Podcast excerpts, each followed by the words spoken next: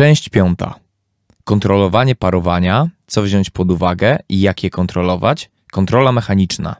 Cześć, jestem Jens Andersen i pracuję dla Danfoss Cooling. Dziękujemy za zapoznanie się z tym podcastem, który jest piątym z serii na temat chłodnictwa z bezpośrednim odparowaniem.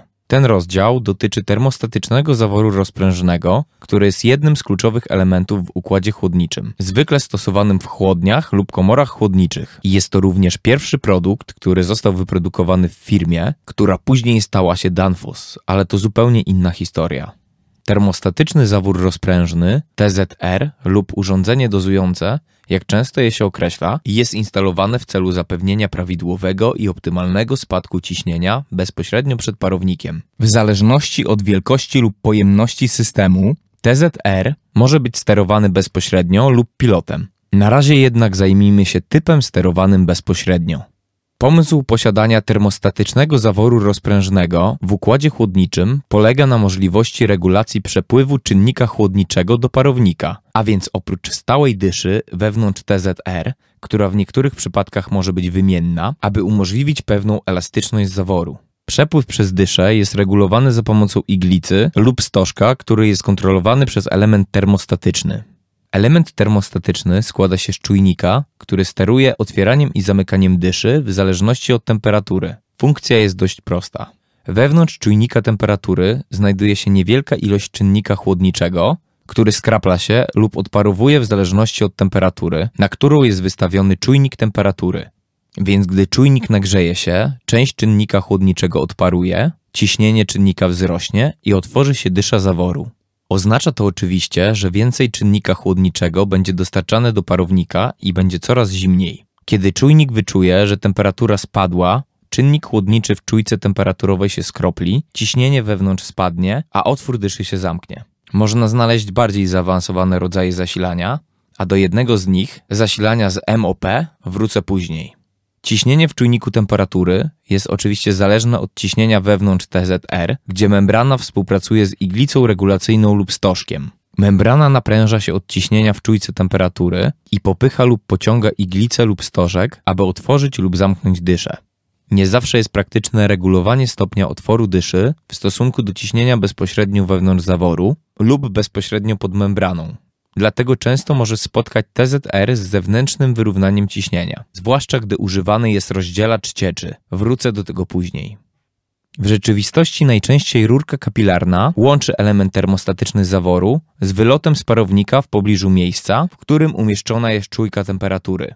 W rzeczywistości wyrównawczą rurkę kapilarną należy podłączyć bezpośrednio za czujką temperatury z rurą wylotową z parownika. Tak więc mamy teraz zawór, a raczej dyszę działającą zarówno w zależności od ciśnienia, jak i temperatury, z zewnętrznym wyrównaniem ciśnienia względem ciśnienia i temperatury na wylocie z parownika. A dzięki wbudowanej śrubie regulacyjnej możesz teraz regulować przegrzanie, aby zoptymalizować je z urządzeniem. Pamiętasz, co to jest przegrzanie? To nowo odparowana para czynnika chłodniczego podgrzana o kilka stopni więcej, a te dodatkowe kilka stopni zapewniają nam, że żadna ciecz nie dostanie się do sprężarki. Sprężarki nienawidzą cieczy. Nawiasem mówiąc, dodatkowe stopnie są mierzone w stopniach Kelwina, zgodnie z systemem SI. Ta śruba regulująca przegrzanie reguluje naciąg sprężyny, która dociska membranę. W ten sposób reguluje się siłę oddziaływania ciśnienia z czujnika temperatury na membranę. Jeśli więc chcesz wyższe przegrzanie, zwiększasz napięcie sprężyny i oczywiście zmniejszasz napięcie, jeśli chcesz niższe przegrzanie. To dość proste. Przyjrzyjmy się bliżej czynnikowi w czujce temperatury, ponieważ wiele funkcji TZR zależy od tego. Przede wszystkim ważne jest, aby wybrać właściwy TZR ze względu na czynnik chłodniczy w instalacji tak, aby był zgodny z czynnikiem chłodniczym w czujce temperatury. Na przykład nie powinieneś używać zaworu T2 łamane na TE2 R404A z R444B, ale możesz go dobrze użyć z R422A. W niektórych przypadkach możesz rozważyć użycie TZR ze sterowaniem z MOP. W zaworach MOP ilość czynnika chłodniczego jest ograniczona, aby uniknąć zbyt wysokiego ciśnienia ssania. MOP oznacza maksymalne ciśnienie robocze, ale można je również przetłumaczyć na zabezpieczenie silnika przed przeciążeniem. Wewnątrz zaworów TZR marki Danfoss znajduje się kilka elementów w zależności od typu, ale większość mniejszych zaworów ma wbudowany filtr siatkowy, który należy wymieniać raz na jakiś czas. Niektóre typy TZR mają funkcję wyrównywania ciśnienia, która pozwala na wyrównanie ciśnienia podczas postoju. W ofercie Danfoss można również znaleźć TZR do użytku z rewersyjnymi systemami HVAC i pompami ciepła. Często możemy spotkać się z parownikiem z równoległymi wężownicami. To znaczy, że rurki wewnątrz parownika biegną równolegle, dzięki czemu uzyskujesz większą powierzchnię wymiany ciepła. W takim przypadku potrzebny jest rozdzielacz. Rozdzielacz zapewni, by przez każdą z równoległych wężownic przepływała ta sama ilość czynnika chłodniczego. Widziałem parowniki z maksymalnie 24 równoległymi wężownicami, więc ich ilość może się znacząco różnić. Ale dystrybutor ma również wpływ na spadek ciśnienia ΔP w parowniku.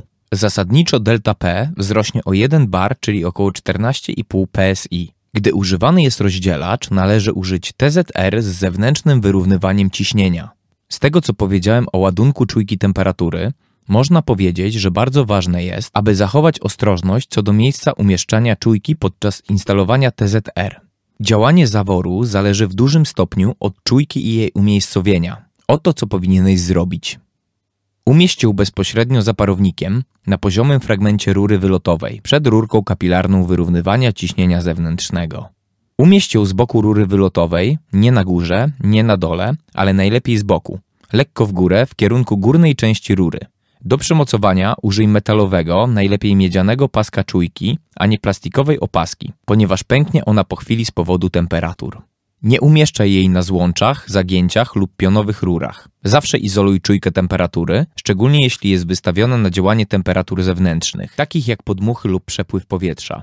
To, co powiedziałem o TZR, to tylko dotknięcie tego tematu. Jest o wiele więcej do zaznajomienia się i omówienia, ale zostawię to Tobie, abyś mógł nauczyć się tego sam, korzystając z innych źródeł. Pamiętaj tylko, że TZR jest kluczem do dobrze funkcjonującego systemu i nigdy nie zapomnij o optymalizacji przegrzania. Następnym razem opowiem o typach elektronicznych zaworów rozprężnych, potrzebnych urządzeniach peryferyjnych i kontrolerach, które mogą być użyte. Ten podcast został przygotowany przez Danfoss Cooling. Zapraszamy do odwiedzenia nas na stronie danfoss.pl. Na pewno znajdziesz tam coś dla siebie wśród wielu przydatnych narzędzi i aplikacji chłodniczych.